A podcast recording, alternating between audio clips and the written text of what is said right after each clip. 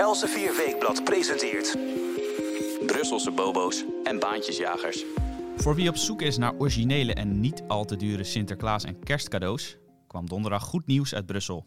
Het Europees Parlement stemde in met een vrijhandelsakkoord tussen de EU en Amerika. Waarom zijn dat soort akkoorden zo belangrijk?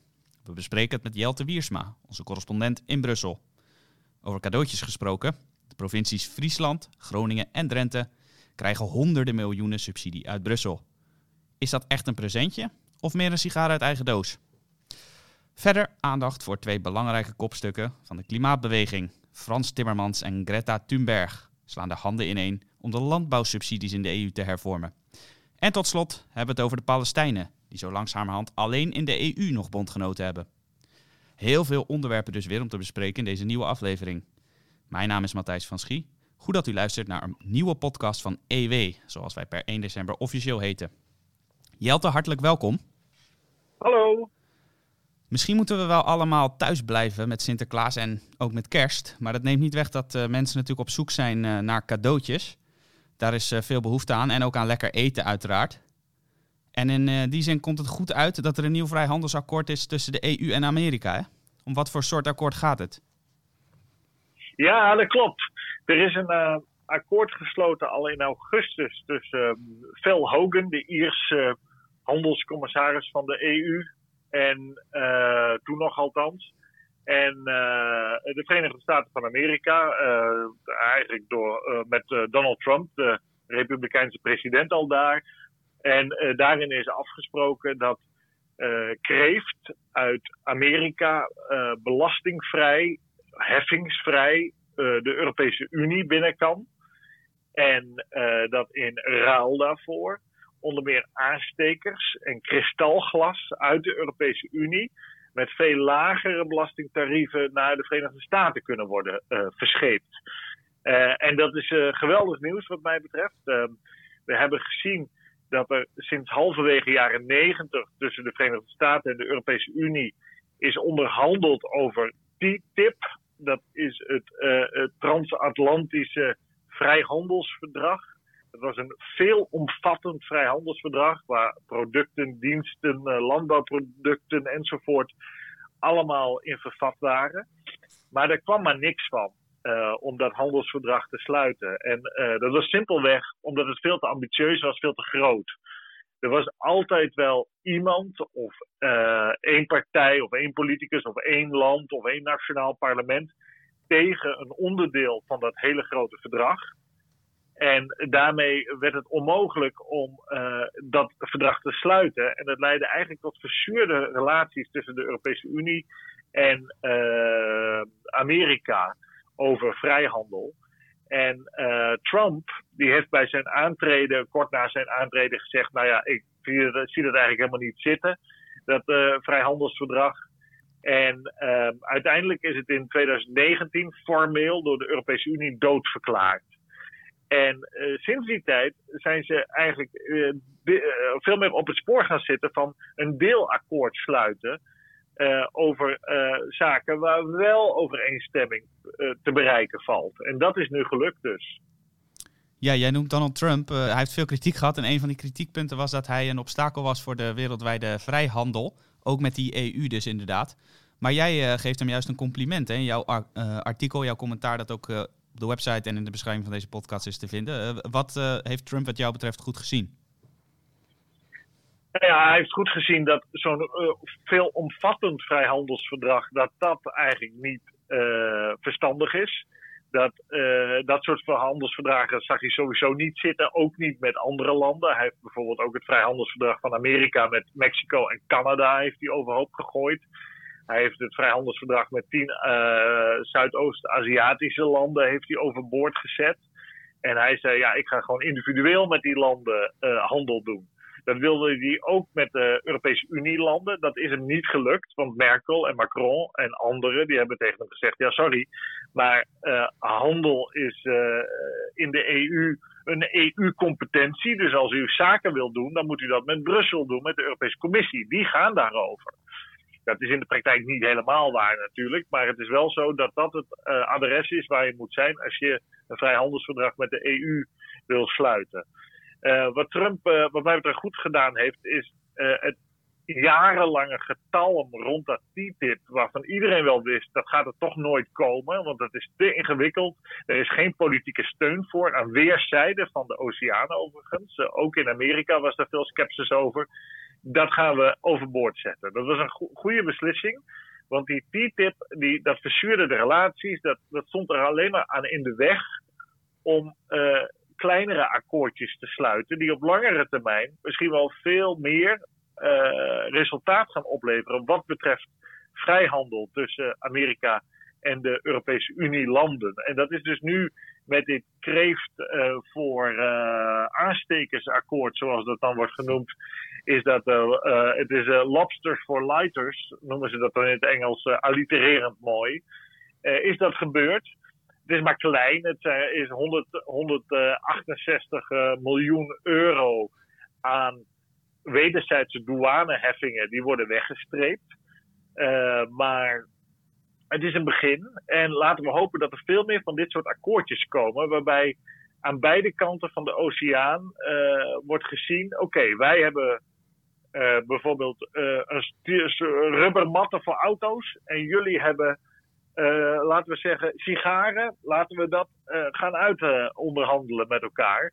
En dat je allemaal van dat soort kleine akkoordjes krijgt, waardoor een aantal zaken gebeurt. In eerste plaats natuurlijk dat de consument gewoon meer keuzevrijheid krijgt. Want als je nu uit Amerika iets wil halen, een kerstcadeautje, een Sinterklaas cadeautje, dan uh, betaal je vaak forse importheffingen daarover. dan krijg je een pakketje in je bus uit Amerika en daar zit dan een brief bij van de bezorgdienst, UPS of DHL of PostNL of wie dat dan ook maar doet. En die zeggen: Wij hebben de importheffing voor u voorgeschoten. En wilt u dat nog even aan ons overmaken? Dus zo'n pakje komt via Schiphol binnen.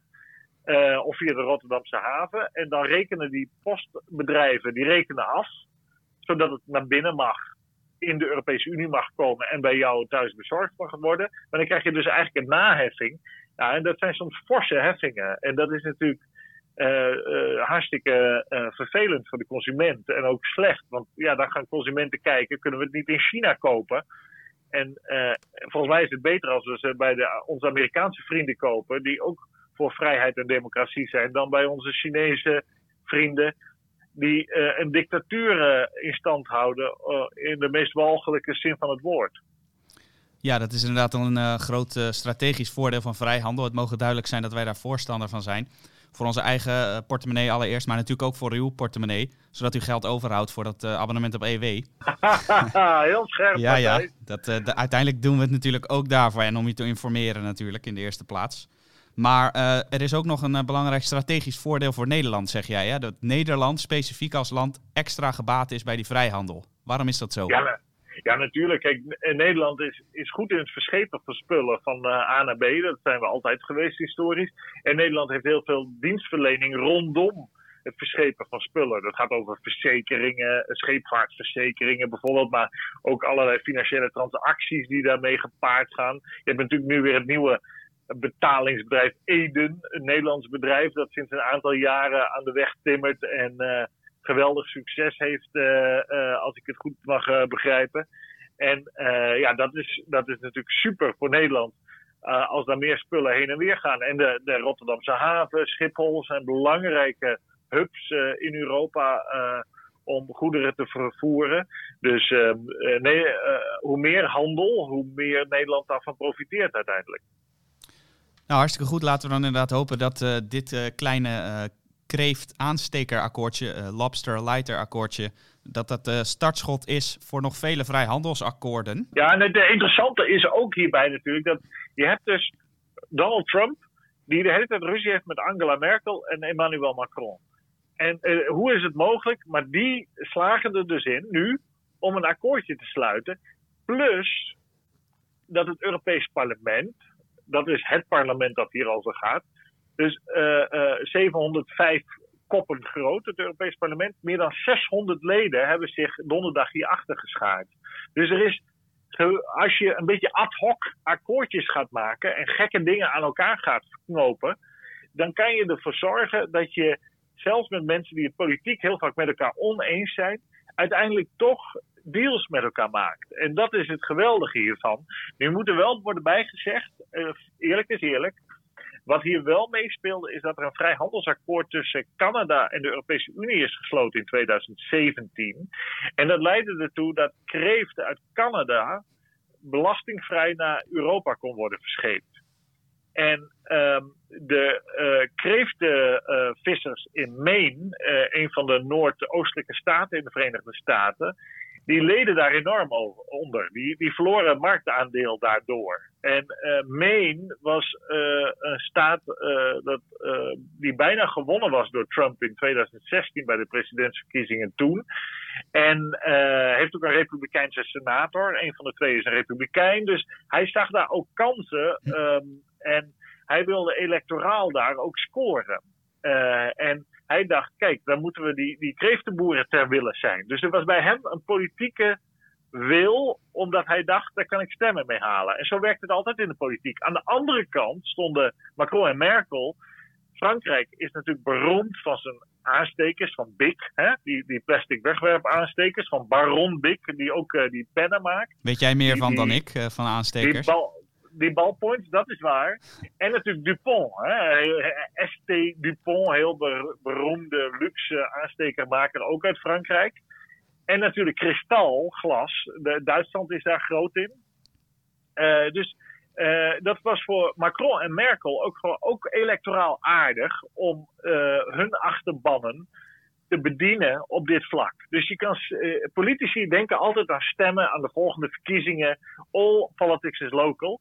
En als je dat dus aan elkaar kan koppelen, ook al zijn het zaken die niks met elkaar te maken hebben, kreeft en uh, aanstekers in kristalglas, dan kan je dus heel ver komen. En dat is veel handiger, lijkt mij, dan grote deals zoals dat uh, TTIP. Want dat is veel te ingewikkeld. Dus uh, uh, heel boeiende, boeiend dat dat zo gegaan is. En ik, ik hoop op meer van dit soort deeltjes.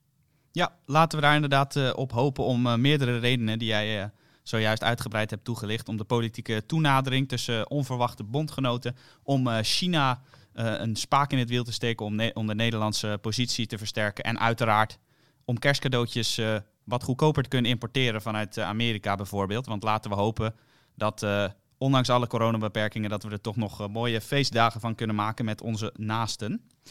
Je had als we het toch, toch over cadeautjes hebben. De drie provincies in het noorden van Nederland, Groningen, Friesland en Drenthe, die krijgen bijna 500 miljoen euro in totaal uit Brussel. Dat uh, zei staatssecretaris Mona Keizer woensdag. En uiteraard heb jij uh, als EU-correspondent daar je licht op laten schijnen in een commentaar op onze website. En jij schrijft dat is helemaal niet zo'n geweldig cadeautje, maar het is meer een sigaar uit eigen doos. Waarom?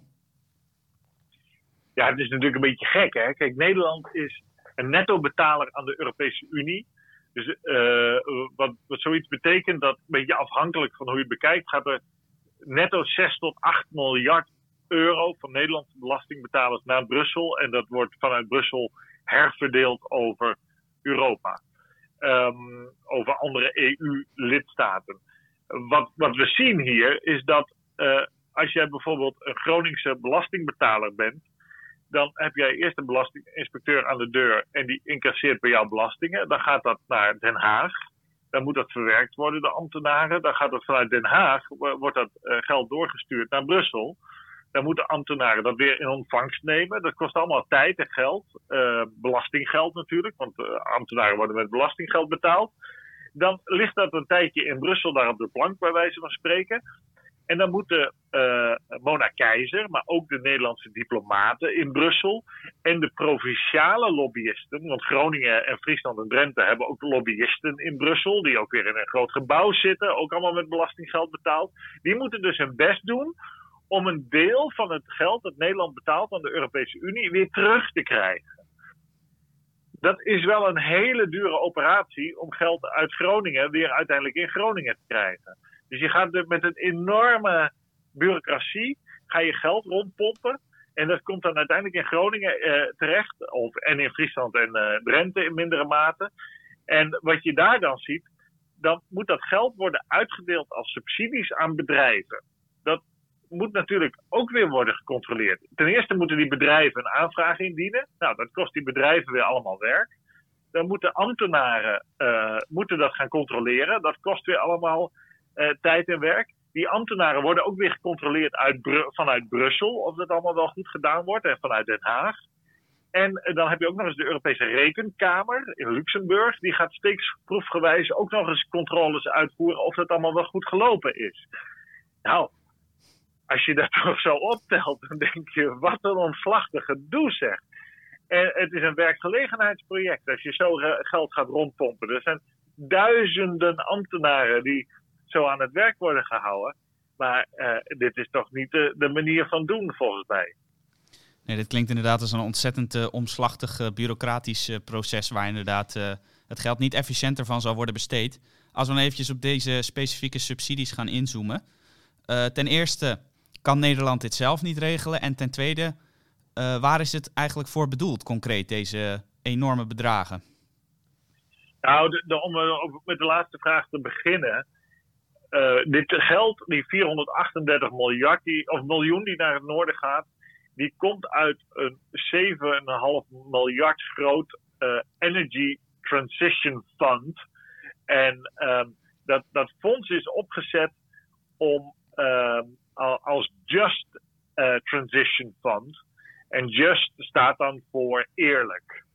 en de bedoeling is om gebieden in Europa, regio's, die uh, hard geraakt worden door de zogenoemde groene transitie, hè, de energietransitie van fossiel naar uh, niet-fossiel, uh, wat betreft arbeidsplaatsen, dat die worden geholpen om met EU-subsidies, dus die uit die 7,5 miljard euro grote pot, werkgelegenheid te creëren door bedrijven te financieren, nieuwe bedrijven of bestaande bedrijven die werkgelegenheid moeten creëren in een, in, een, in een groene manier van energie opwekken.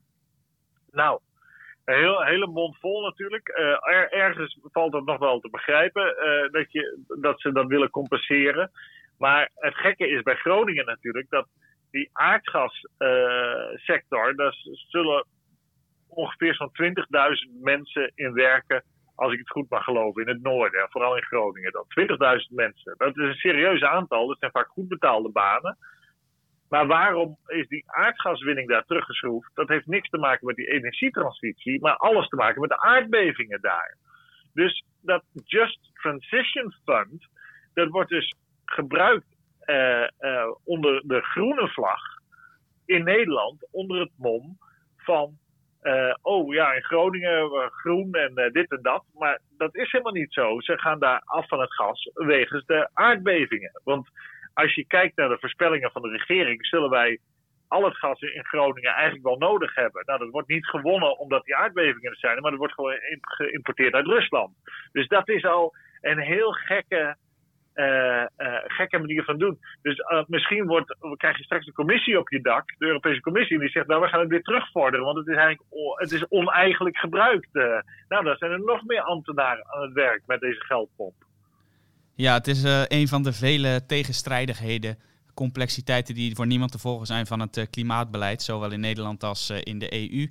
En wellicht aardig om te noemen voor de luisteraar op het omslag van EW deze week staat een uh, groot verhaal over het failliet van het uh, Nederlandse klimaatbeleid. Dat is uh, ontworpen door Ed Nijpels. collega's Gert-Jan van Schoonhoven en Rob Raamaker zetten uitvoerig uiteen hoe het ermee staat met het Nederlandse klimaatbeleid. En ja, het, ja, jij kondigt het eigenlijk ook al aan. Het gaat niet al te best. Het is allemaal niet al te logisch. Dit is dus waar de EU honderden miljoenen aan subsidies aan besteedt. In dit geval voor de Nederlandse provincies. de EU is sowieso op klimaatgebied flink bezig. En de persoon die uh, daar eigenlijk uh, het hardste op drukt, om het zo te zeggen. Dat is ook weer een Nederlander, namelijk Frans Timmermans. Frans Timmermans uh, die zoekt ditmaal steun. Steun bij niet zomaar iemand, maar bij Greta Thunberg, het Zweedse klimaatmeisje. Waarvoor zoekt hij precies steun bij haar? Ja, kijk, dat is heel interessant. Die, Frans Timmermans die is natuurlijk sinds een aantal jaren een groene bekeerling. Want hij geloofde daar vroeger natuurlijk helemaal niet in. maar hij is op die wagen gesprongen. En heeft daar ook politiek succes mee gehaald. bij de laatste Europese parlementsverkiezingen in mei 2019 werd de PvdA de grootste hè, onder zijn leiding in het Europese parlement. Dus dat had hij goed gezien electoraal. Uh, maar Timmermans die leidt de ene naar de andere groene nederlaag. Samen met zijn compaan Diederik Samsom in Brussel. dat is ook niet zo verwonderlijk, want in andere landen van, de, van Europa, van de Europese Unie, zijn ze wat realistischer over allemaal wilde groene plannen. En sta, wordt er enorm op de rem gestaan. En um, dat is in eerste instantie, wat betreft die kwestie met die Thunberg, is dat uh, met de landbouwsubsidies, daar wilde Nederland bijvoorbeeld dat 60% van de Europese landbouwsubsidies, en dat is verreweg het grootste deel van de EU-begroting, gekoppeld zou worden aan vergroening van de landbouwsector. Nou, onder druk van onder meer Duitsland, Polen, uh, Hongarije, maar uh, eigenlijk heel Oost-Europa, maar ook Frankrijk eigenlijk wel, en Spanje en Italië, is gezegd, nou dat doen we maar niet. Hè? Ja, want die uh, landen die hebben niet zulke torenhoge ambities als Nederland op klimaatgebied. Nee, helemaal niet. Helemaal niet. En, ze, en ze, ze, kunnen het vaak technisch ook niet. Niet dat Nederland het wel kan, maar ze overschatten zichzelf in ieder geval niet. Ze zijn conservatiever ook. ze omarmen nieuwe technieken, soms ook wat minder snel. Uh, dat is ook wel verstandig in veel gevallen. Uh, zeker als je nog geen nieuwe technieken in plaats hebt die, die wel goed functioneren wat betreft het opwekken van energie. Dus die hebben daar, dat behoorlijk uitgekleed. Ja, en die Thunberg die heeft daar een heel nummer van gemaakt, dat meisje uit Zweden.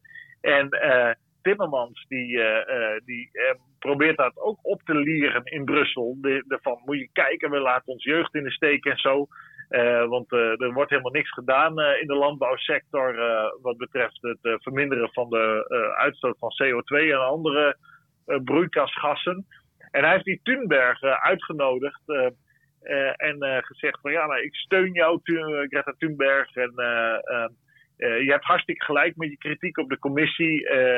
en Timmermans heeft al enorm op zijn sodomieten gehad van Ursula von der Leyen, de Duitse CDU-commissievoorzitter van ja, een beetje rustig aan met al die wilde plannen van jou. Want daar, ja, daar is geen meerderheid voor in de Europese Unie. Dus ja, Timmermans probeert, en dat kan niet vaak heel goed, hij is verbaal heel vaardig, eigenlijk buiten de politieke structuren dus druk op te bouwen via Thunberg, die natuurlijk een grote schare volgers heeft online, om, om druk op te bouwen om toch die groene agenda wat scherper er doorheen te kunnen duwen dan nu het geval is. Want ja, uh, elke dag die voorbij gaat, wordt eigenlijk een, brokje uit die groene agenda weggehakt door Duitsers, door Polen en de Italianen en anderen. En je ziet het ook gewoon, hè, als je in Italië bent of in Polen of zo. Je, je, je ziet gewoon, daar staan niet opeens honderdduizend windmolens of zo, of allemaal zonneparken. Dat is gewoon niet zo. de mensen die uh, doen dat allemaal wat rustiger aan. En ze bouwen daar gascentrales bijvoorbeeld. Of ze geven wat subsidies aan particulieren zodat je je huis kunt isoleren. Die zitten op een heel ander niveau te opereren. En wat mij betreft een heel verstandiger niveau vaak dan de Nederlandse politici in Nederland. En ook de Nederlandse politici in Brussel. En die lopen dus met hun, ja het zijn toch een typische Nederlandse dominee-gedrag, wel steeds harder tegen de muur aan. En het is niet voor niks dat uit een Luthers, hè, protestants, ook moralistisch land Zweden, nu Thunberg als hulptroep is ingeroepen door uh, uh, Timmermans om die groene agenda te redden. Maar uh, het lijkt eerder onderuit te gaan dan zijn kant op. Dus het is een soort noodgreep van hem. Maar wie zal zeggen dat ze het momentum pakken? Hè? Timmermans is een vaardig campaigner. Thunberg is een vaardig campaigner. Je weet het maar nooit. Ja, zo is het. Het is een uh, boeiende ontwikkeling in ieder geval. Uh, jij noemt net al heel terecht uh, de Nederlandse domineesgeest.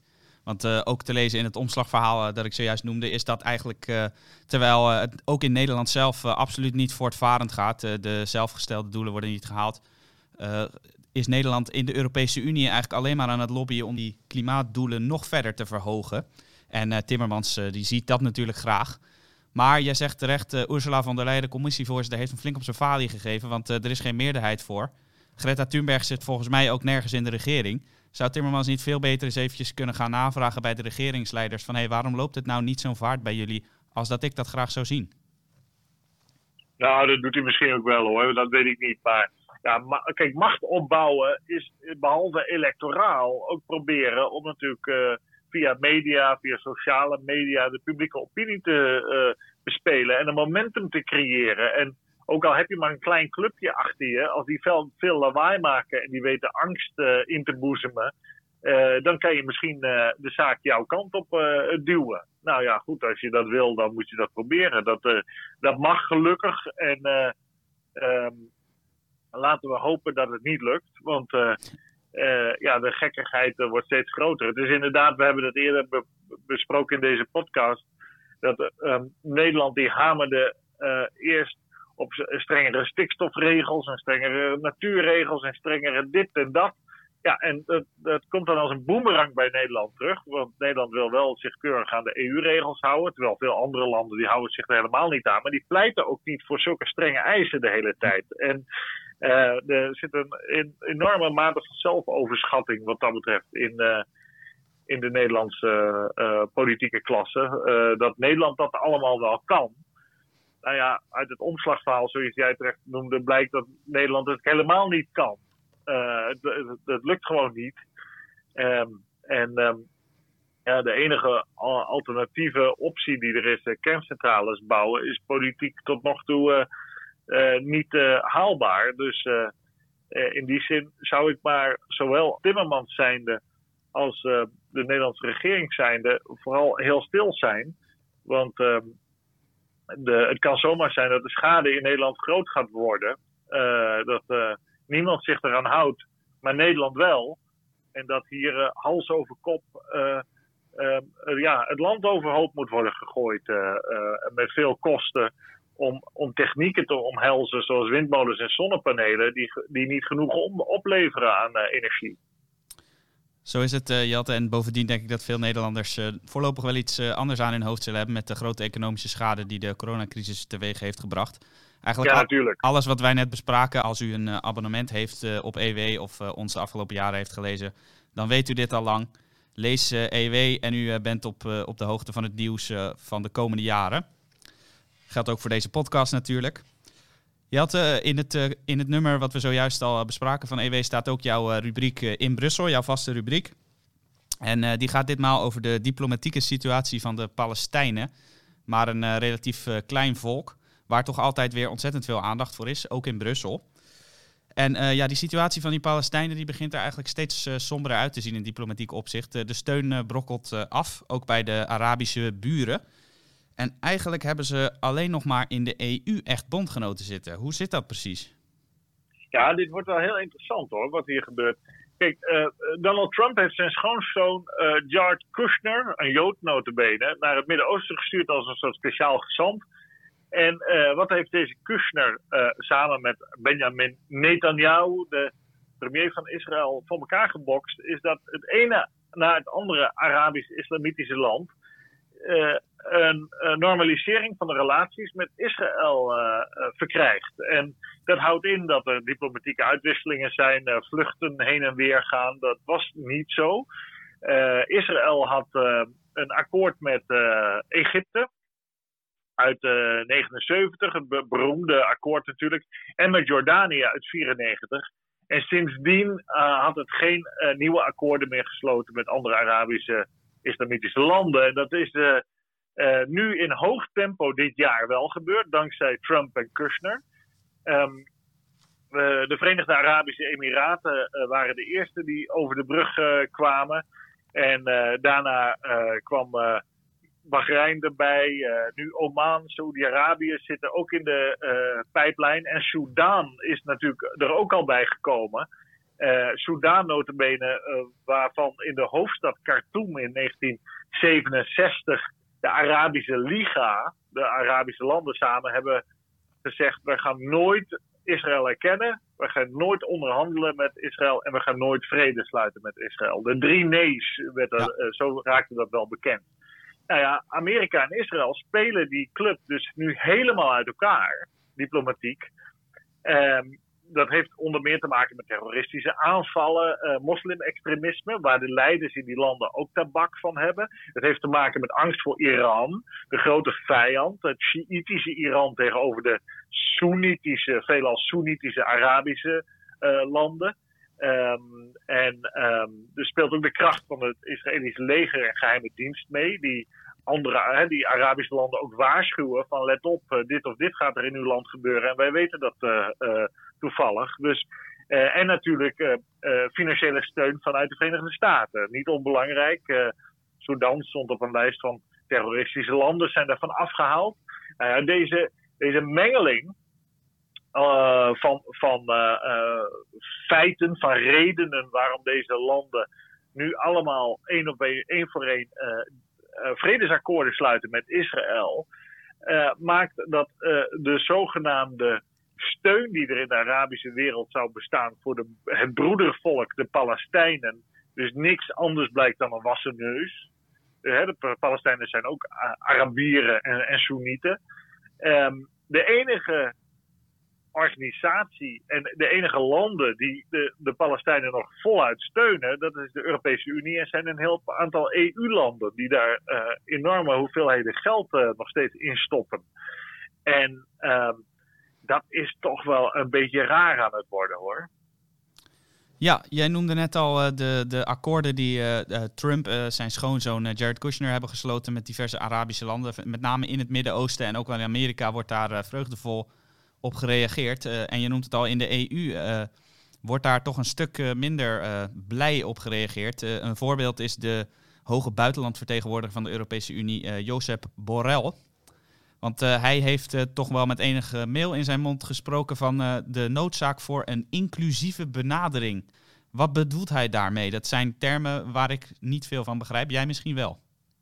Ja, je moet daar toch enorm om lachen. Die inclusieve benadering die, die Borrell zegt elke keer als er zo'n akkoord wordt gesloten: Oh ja, wij verwelkomen het akkoord. En wij als EU kijken erbij en staan erbij, of kijken ernaar en staan erbij. Hè? We staan erbij en kijken ernaar, zo moet ik het zeggen, geloof ik. Wij staan erbij en kijken ernaar. Wij zijn toeschouwer in dit geheel. Hè? Wel ja. altijd een uh, enorm grote mond, maar als het uh, gaat om uh, serieuze politiek, dan staan ze er dus bij en kijken ze ernaar.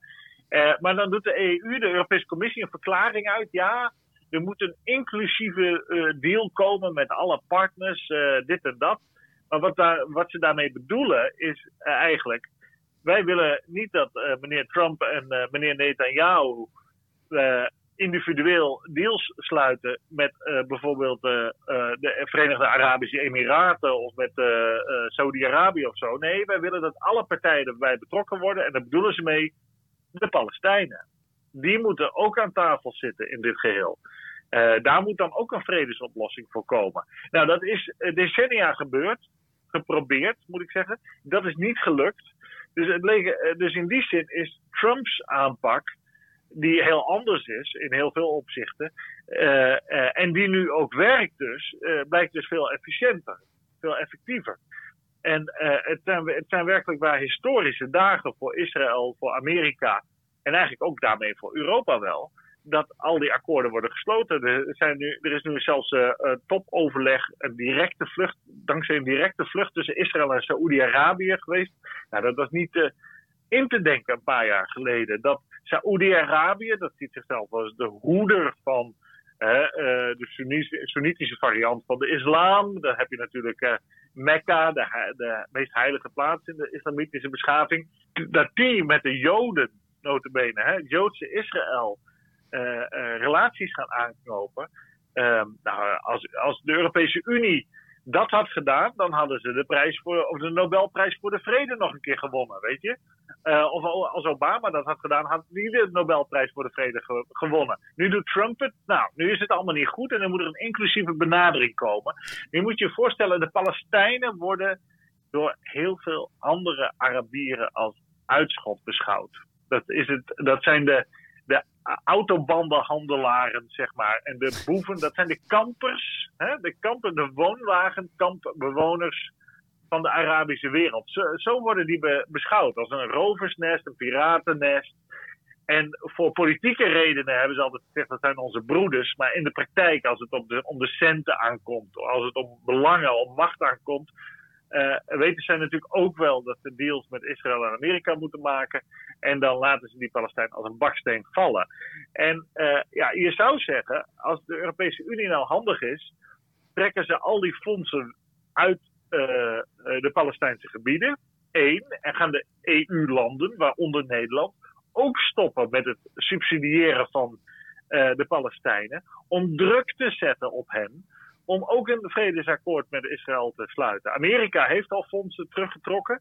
Want uh, het komt er in feite op neer dat de Europese Unie, die uh, samen met overigens een aantal andere Arabische landen met subsidies, die tent uh, in stand houdt. En daarmee het verzet tegen een vredesdeal en de erkenning door de Palestijnen van Israël in stand houden. Want de Palestijnen erkennen Israël niet. Hè? Dat is heel interessant. Die erkennen dus, iedereen erkent Israël straks, de hele Arabische wereld, behalve de Palestijnen.